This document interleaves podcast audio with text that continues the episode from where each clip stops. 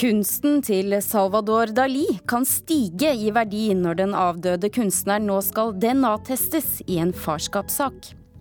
Ny dokumentarfilm om Whitney Houston viser en av pophistoriens verste livshistorier. Og kineserne er lei av at turister ler av pussige oversettelser på offentlige skilt. Nå skal engelskkunnskapene finpusses. Dette er Kulturnytt denne tirsdagsmorgenen. Velkommen skal det være. Mitt navn er Stine Tråholt. En spansk domstol har bestemt at levningene etter kunstneren Salvador Dali skal graves opp for å gi svar i en farskapssak. Det er en kvinne fra Girona i Nordøst-Spania som hevder at Dali er hennes far, etter at moren hadde et forhold til kunstneren. Dali døde i 1989 og var kjent for sin surrealistiske kunst. Og kunsthistoriker og forfatter Tommy Sørbø, kan man si at det er noe surrealistisk over denne farskapssaken også? Ja, det, i hvert fall hvis man eh, med ordet surrealisme bruker det sånn som eh, folk flest gjør i dag, nemlig betydningen sprøtt, rart, oppsiktsvekkende, så kan man jo absolutt si det. Er det eh, penger man er ute etter her? ja, det, det, kan jo være. Han har jo ingen andre arvinger, eller han har jo ingen andre barn. Eller hadde ingen andre barn, Salvador Dali. Mm. Eh, så det er klart at eh, vi snakker om mange hundre millioner hvis eh, dette viser seg å, å være datteren, da. Kan du gi oss en kort beskrivelse av kunstneren eh, Salvador Dali? Ja, Han er jo født eh, tidlig på altså 1904. Han eh, slutta seg tidlig til denne surrealistbevegelsen, som ikke da betydde bare sprøtt, men som betydde det oversanselige. Eh, underbevissthet er knytta til Freud og til, til forestillingen om at eh, ja, hva skal jeg si, bak det kulturelle, bak samfunnet, bak fasaden finnes det noen uh, mystiske krefter som skal forløses, som kunsten skal være med på å forløse.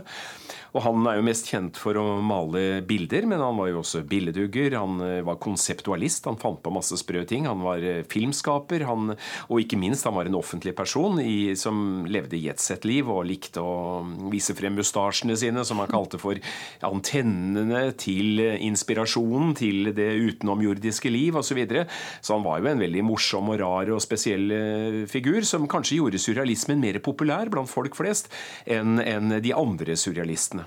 Ja, kanskje Det er et vanskelig spørsmål å svare på, men likevel, hva hadde han nå tenkt om denne historien som rulles opp, tror du? Jeg tror det ville vært litt i hans ånd. Han lagde jo selv sitt eget gravmæle og museum oppe i Nord-Spania, i byen der han er født. Eh, og, og det å iscenesette sånne ting, eh, som jo i dag er blitt veldig vanlig blant mange kunstnere, vi snakker jo om konseptualismen, der der er å ha en idé, et opplegg, og så realisere det på en eller annen måte det, det sto nok eh, hans hjerte nokså nær. Han prøvde f.eks. en gang å lage verdensrevolusjon ved hjelp av noen loffer som han skulle bære gjennom Paris' gater og ja, mye sånne rare ting som han fant på på eh, 1930-tallet. Så, så, så, det der å bli gravd opp igjen etter sin død, og at det er mye føss og fokus på han, det ville vært helt i hans ånd. Hva slags verdi har kunsten og oppfinnelsene hans i dag?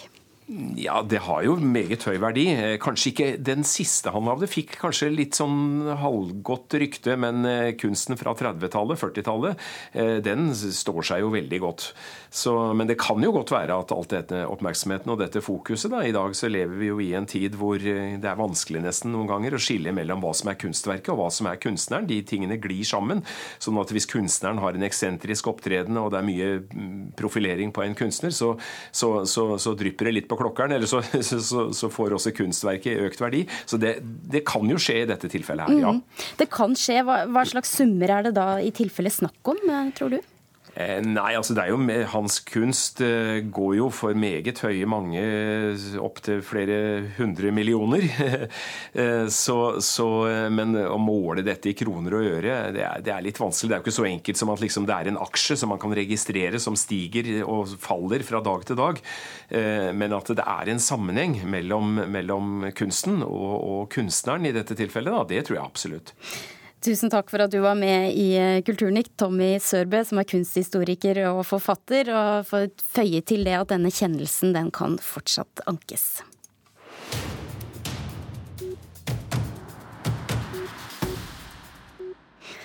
Det er sikkert lagt merke til det og hørt det før. Stadig flere politikere bruker Facebook for å nå ut til velgerne sine, og før høstens stortingsvalg så ser det ut til at mye av valgkampen kommer til å skje her. Men nå langer en medietopp ut mot politikernes bruk av sosiale medier. Reporter Espen Alnes, hva har du å fortelle? Ja, Det er styrelederen i Skipstedt, Ole Jakob Sunde, som eh, til Klassekampen i dag sier at politikerne er dobbelt moralske når de på ene sida snakker om å sikre et mediemangfold i Norge, samtidig som de da knytter seg stadig tettere opp mot eh, Facebook eh, i f.eks. valgkampen. Han er uroa over at store internasjonale aktører som Facebook og Google forsyner seg av en stadig større del av den norske kaka som annonsekronene utgjør. Samtidig så blir overskuddet til disse selskapene flytta til underselskap som er registrert i land som har lav skatt. Men hvilke tiltak ser mediene for seg her? Eh, rapporten til Mediemangfoldsutvalget som kom i mars, eh, er jo nå ute på høring. og Der har svarene begynt å komme inn til eh, Kulturdepartementet nå. og Der foreslås mediebransjen bl.a. å innføre en særskatt for aktører som Facebook og Google. Storbritannia har en lignende skatt, der internasjonale selskap som bruker stråselskap for å unndra nasjonalskatt, må betale 25 og Dersom Norge skulle innføre en slik skatt, så kan det bety rundt 400 millioner kroner ekstra i mediestøtte. Og hvor sannsynlig er det?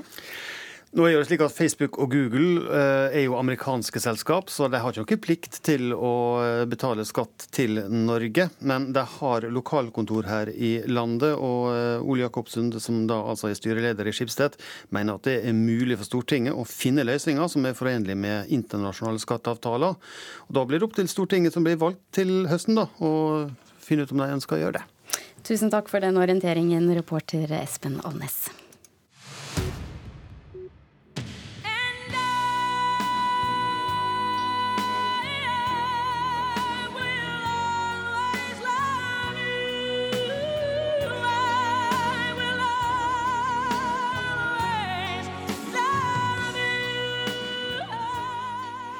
I Will Always Love You, låten der Whitney Houston virkelig briljerer med sin stemmeprakt. Men historien om popstjerna og stemmeprakten hadde som hadde sin storhetstid på 80-tallet, endte tragisk. Can I Be Me? Det er tittelen på en ny dokumentarfilm om Whitney Houston som går på kino nå. Whitney Houston hadde som kjent store rusproblemer og ble funnet død i et badekar på et hotell i 2012. Dokumentaren begynner, begynner, vondt og blir bare verre. Det skriver du i Dagens Næringsliv, Audun Winger. Hva slags historie fortelles her? Ja, det er mye gåsehud i kinosettet der, dessverre av den litt kjipe, kjipe sorten. Nei, det handler liksom om hvordan hun eh, egentlig har vært, følt seg alene hele, hele livet. At hun startet med å svike eh, sin bakgrunn da hun ble popstjerne. Hun var, ble første, en av de første virkelig vellykkede crossover-stjernene, som det heter. Altså hun eh, ble en afroamerikansk sanger som ble gjort spiselig for det store hvite amerikanske markedet. Mm. Ja, På hvilken har, ja, altså måte hun, svek hun? Var... Nei, men At hun var pop. da, At hun var en sell-out. Liksom. Det var viktig, og Hun kommer liksom fra the hood. Uh, det, det, blir sagt veldig tidlig i filmen. Hun kommer fra gatene. Hun drev med festing, og hun var en rå dame. Og så ble hun presentert for verden som noe helt annet. Og det har liksom vært eh, en plage for henne hele livet. da, så den utgangen virker veldig sånn uunngåelig fra, fra, man sitter og setter seg ned i kinosalen til man går. Mm. På 80- og 90-tallet, det var virkelig hennes storhetstid. Når begynte det å rakne? Nei, altså Mange sier at det, det blir sagt hver, hvert femte minutt i filmen så sier du ja, jeg tror hennes store fall begynte da. Så det er veldig mange slike hendelser. Eh, noen mener at det var allerede da hun ble buet ut på Soul Train Awards, eh, da hun vant mange priser for sitt andre, andre album. Men eh, altså Hun døde i 2012, men allerede i 1995 så hadde hun en, en alvorlig kokainoverdose under innspillingen av uh, 'Waiting to Exhale'-soundtracket. Så dette kunne ha skjedd mange ganger. Og det virker som om hun hadde mer et uh, sånn misbrukergen. da i tillegg så det, det, handler filmen mye om hennes forhold til familien. Hun vokste opp i, eh, som datter av en stor sanger som eh, sang The Sweet Inspiration, også, og også var en eh, vel, velbrukt backingsanger i studio. som også prøvde å bli popstjerne på, på slutten av 70-tallet uten å lykkes. Så det mye handler om den strenge moren som prøvde å bli en stjerne gjennom datteren. da. Mm.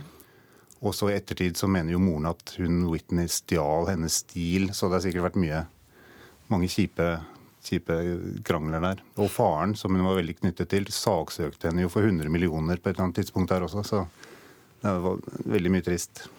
Og så er det i tillegg til dette ofte ektemannen eh, som hun etter hvert da skilte seg fra Bobby Brown, som får skylda. Gjør han også det i denne filmen? Ja, til en viss grad. Altså, han var en bad boy som hun trengte da hun ble, følte seg for frisk.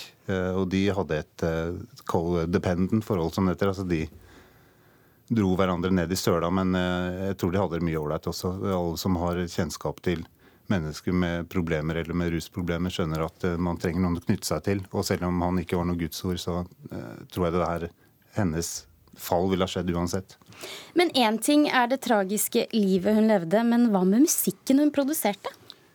Hun ga jo ut en plate eh, i 2009, så hun var jo aktiv selv i alle disse årene. Man så bilder av avisen her liksom, at hun bodde i et crackhus hvor det liksom, piper overalt og alt var nedbrent. Men hun klarte liksom å gi ut noen uh, fine R&B-plater. Den siste uh, var jo veldig bra, og der var jo også norske Stargate involvert. Og Da ble hun også gjenforent med Clive Davis, mannen som oppdaget henne tidlig på 80-tallet. Eh, men, men stemmen var vel ikke helt på topp hele veien her? Nei, Du kan tenke seg selv altså Hvis man driver og røyker crack i 20 år og er, eh, veier 20 kilo, så, eh, så, går det litt dårlig. Men det er mye man kan gjøre med moderne teknologi, antageligvis. Men det kommer veldig dårlig frem i denne filmen, dessverre, hvilken enorm vokalist hun var. da. Mm. Og det er veldig mye musikk og nøkkelhendelser. Plater, comebacks. Hun hadde, opptil, hun hadde mange comebacks med The Bodyguard-filmen. Hun ga ut en R&B-plate i 98 osv. Det er mange sånne ting som forsvinner totalt, og det er litt eh, synd, fordi hun er virkelig en av de store fra den æraen. Dessverre, ja, hvis du liksom... til slutt skal beskrive henne som musiker og artist, hva vil du si da? Altså, hun, kunne, hun, kunne, gå inn i materialet og, og, gi alt, liksom. Det ser man. Det, det, fineste ved filmen er faktisk helt i starten. Det er et opptak fra 1999. Da du ser at hun allerede sliter veldig, og hun synger 'I Will Always Love You'. Og det er like før hun skal ta crescendo mot slutten her, og hun stopper opp, hun får det ikke til. Øynene går i kryss. Mm. Hun ser litt rusa ut. Hun ler til seg selv, får det ikke til, liksom. Og så bare spenner hun alle musklene og trekker det ut av det lille som er igjen i hennes sjel. Da. Så ja, det er flott. Vi skal avslutte litt med en låt, eh, annen låt fra 2010. Det er en av dine favoritter, 'Million Dollar Bill'. Eh, vi var inne på det, stemmen som sviktet etter hvert. Men eh, er dette tilgjort Nei, dette? Er, dette er et veldig bra eksempel på en, hennes scenestil. Hun klarte å være moderne og klassisk. Million Dollar Bill, tusen takk for at du kom til Kulturnytt, Audun Winger, som er journalist i Dagens Næringsliv. Her i Kulturnytt så er klokken nå blitt 17 minutter over åtte, og dette er nyhetsoverskriftene nå. Bare halvparten av utlyste sykepleierstillinger er heltidsjobber, viser en undersøkelse utført av Norsk Sykepleierforbund. Men det er annerledes i Trondheim. Der er 86% av utlyste stillinger i vår var heltidsstillinger. I dag starter opprydningen av verdens verste atomavfallsplass. Andrejevbukta i Russland, fem mil fra grensa til Norge. Det har tatt 20 år å forberede fjerningen av atomavfallet. Kongressen i Brasil vurderer rettssak mot president Michel Temer etter at riksadvokaten i Brasil formelt har anklaget ham for korrupsjon. Presidenten skal ha mottatt omkring 1,2 millioner kroner fra en forretningsmann. Dårlige og pussige engelske oversettelser på offentlige skilt i Kina gir ofte turister en god latter. Men nå er kineserne lei av å bli ledd av. Og Derfor har de satt i gang arbeidet med å lage nye nasjonale retningslinjer for engelske oversettelser. Professor i kinesisk ved Universitetet i Oslo, Halvor Eifring, velkommen. Takk. Har du et eksempel på en oversettelse på et offentlig skilt som blir fryktelig feil? Det er veldig mange eksempler. Altså Enten det er 'civilized urinating' eller 'deformed man toilet' eller det er uh, 'accident porn area'. Så det er, det er så mange du, du vil ha. Det ja, Hvor omfattende er dette? Er det så å si hvert offentlig skilt som har slike feil, eller? Veldig mange offentlige skilt har feil, men det er klart at det er ikke alle som blir like morsomme. De blir bare litt rare og vanskelig å forstå ofte. Engelsk og kinesisk, to språk, veldig langt fra hverandre, så det er kanskje ikke så rart. Det er ikke så rart i det hele tatt. Vi kjenner jo godt til det fra sånn uh, norsk-engelsk også, hvor man sier uh, 'it isn't only only that, but but' når man snakker engelsk. Sånn at uh, vi kjenner jo absolutt fenomenet. Det bare det at det kommer kanskje ikke i like høy grad med på norske skilt, men i norske brev eller uttalelser fra det offentlige som oversettes til engelsk, så ser du ganske mye rar engelsk også. Så det er ikke sånn at kineserne er alene om dette, men det får ofte litt mer komiske konsekvenser da, i, i den kinesiske sammenhengen. Ja, for er det eh, ordforrådet her det er mangel på, eller er det setningsoppbygningen som blir feil? Ordforråd, det er setningsoppbygning, det er også lydsystemet, fordi at de, de, sånn at de blander sammen hvilken rekkefølge ting kommer. Sånn at det er derfor at det er prone, accident prone, plutselig blir til porn, så det blir pornografi isteden. Eh, fordi at man da klarer ikke helt å holde styr på hvor er det denne R-en skal være i det hele. Og eh, i setningsbygning, altså eh, Look out, knock head. Høres ikke så veldig fint ut. Men eh, det er jo da fordi at det er måten man sier det på. Da. Du skal være forsiktig sånn at du ikke støter hodet mot et eller annet lavt tak eller noe sånt. Men nå skal de altså ta grep. Vil det nytte, tror du? De har forsøkt før. Eh, Særlig rundt OL eh, så var det store forsøk på å få dette til mer i havn, og det hadde ikke så veldig stor effekt da. Men det er klart, er det er blitt mindre av dette over årene. Eh, Det er bare at det har blitt også flere engelske skilt over årene, sånn at eh, sammenlagt er det kanskje da likevel eh, mye der. Så vi får se hvordan det går. Men fra 1.12. så skal dette da, skal i hvert fall da en liste over offisielle oversettelser være på plass. Og de håper jo da at de i mindre grad skal bli Men vi, som har vært der en del i Kina, vi syns jo at dette er sjarmerende, vi da. Men hvis dette på en måte utvikler seg i, som et språk i språket, er det egentlig så farlig?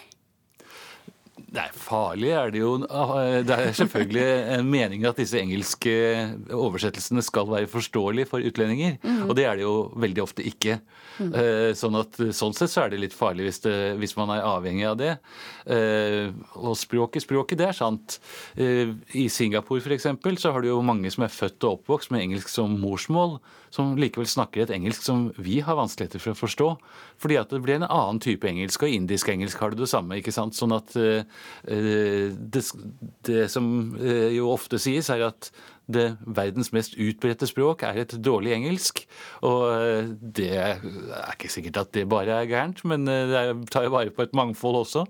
Men eh, for forståelse så kan det være et problem. Tusen takk for at du kom til Kulturnytt, Halvor eh, Eifring, som er professor i kinesisk ved Universitetet i Oslo.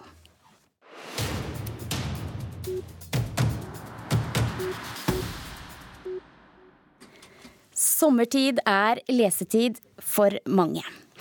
Og for å gi oss tips til aktuell sommerlesning, så har vi invitert deg, Anne Katrine Straume. Du er litteraturkritiker her i NRK. Begynn med deg selv først, da. Hva leser du om sommeren?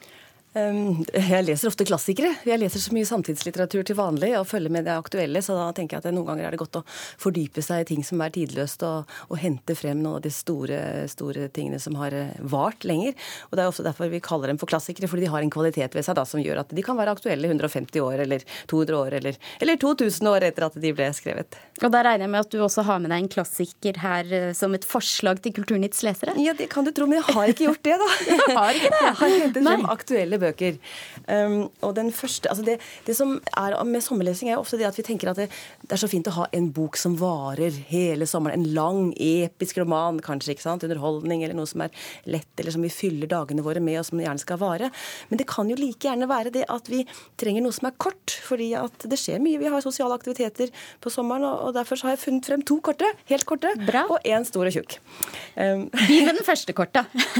den første det er en helt ny bok. Det er en boksingel, kalles det. Bitte liten bok, et essay skrevet av Monica Isakstuen, som heter, altså har en litt pussig tittel, 'Anstendig og verdighet'. Eh, og anstendig og verdighet, det, da blir man jo liksom oppmerksom på dette språket. Hva er det hun, hun sier her? Boken ble til etter et forfatteropprop, hvor norske forfattere rettet en henstilling til norske myndigheter om å bruke et anstendig språk og en verdighet i omtalen av flyktninger som kommer til landet vårt. Eh, Isakstuen skrev under på dette oppropet, og så har hun da i ettertid tenkt ja, men hva mer gjør jeg? Eh, tør jeg å åpne min stemme og si noe? For det er så ofte at man eh, vegrer seg mot å ta del i offentligheten når det gjelder politiske saker som man kanskje føler man ikke har god nok kjennskap til. Og det hun gjør da i denne boken som jeg syns er veldig interessant, er at hun jeg har f.eks. et dikt, et langt dikt midt i dette essayet, hvor hun oss, prøver å få oss til å analysere eller reflektere over begreper som holdningsendringer, midlertidig oppholdstillatelse, dehumanisering, tilhørighet eller psykososial helse.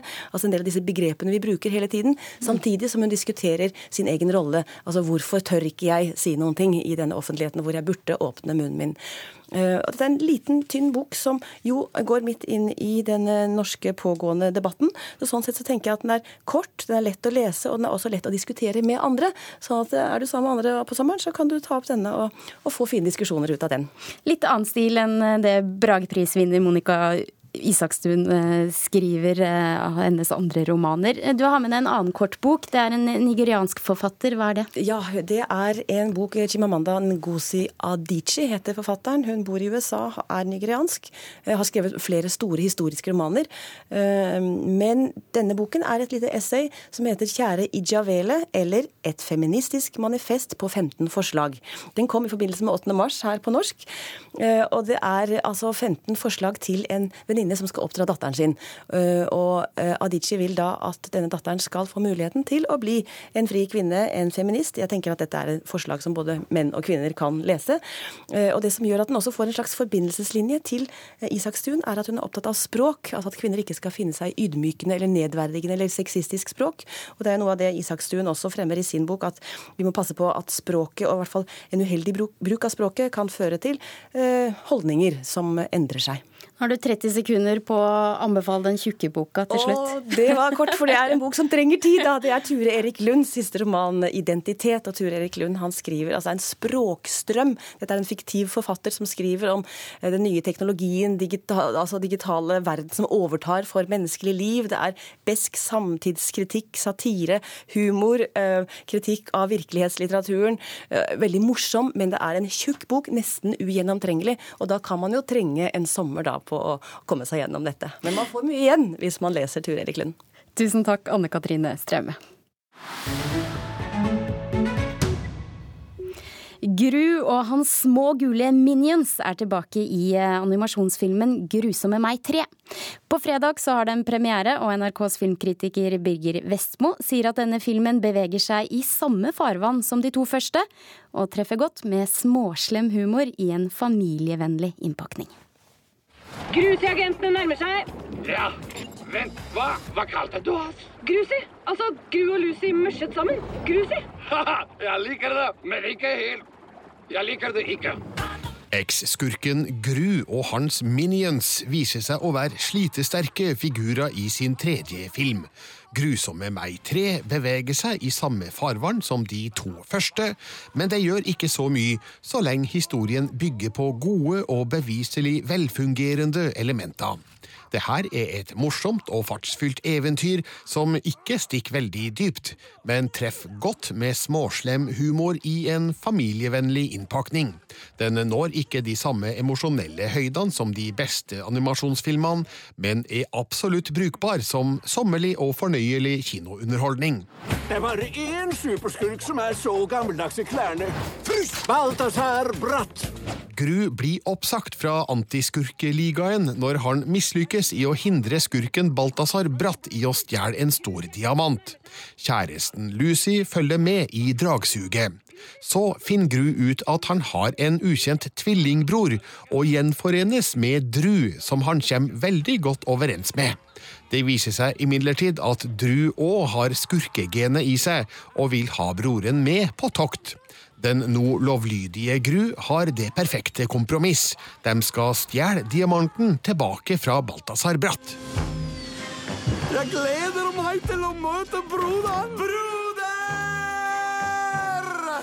Det foregår ting under overflata på historien, som Lucys ønske om å være en ordentlig mor for de tre adoptivbarna, lille Agnes sitt brennende ønske om å finne en enhjørning, Margots forhold til gutta og Grus bånd til sin nyoppdaga bror. Likevel er filmens største ambisjon å finne et underholdningsnivå som er tilpassa både de små barna og foreldrene deres. Det greier regissør Kyle Balda og Pierre Coffin ganske godt, med en historie som stadig beveger seg fremover, der det ikke går lenge mellom hvert slapstick-øyeblikk. Nå, som jeg nevnte, så øh, åh. Ha det! Nei, nei! Grusomme meg 3 har nok ikke nyskapning som sin største ambisjon, men bygger videre på det allerede etablerte universet med en videreforedling av figurenes interaksjon med hverandre. Om ikke latterdøra slås på vidt gap, er filmen i alle fall fornøyelig så det heller. Den strekker heller ikke på oppmerksomhetskravene, og klokker inn på behagelige 90 minutter. Stort mer trenger ikke Grusomme meg tre å gjøre for å underholde familiene på kino gjennom sommeren. Med hår er du enda bedre! Se på det fjes! Han er så sint! Det var Birger Vestmo som eh, anmeldte 'Grusomme meg 3'. Og flere anmeldelser det finner du på p3.no filmpolitiet. Produsent for Kulturnytt i dag var Vidar Sem. Teknisk ansvar Hans Ole Hummelvold. Nyhetsmorgen eh, fortsetter en halvtime til, men først får du Dagsnytt.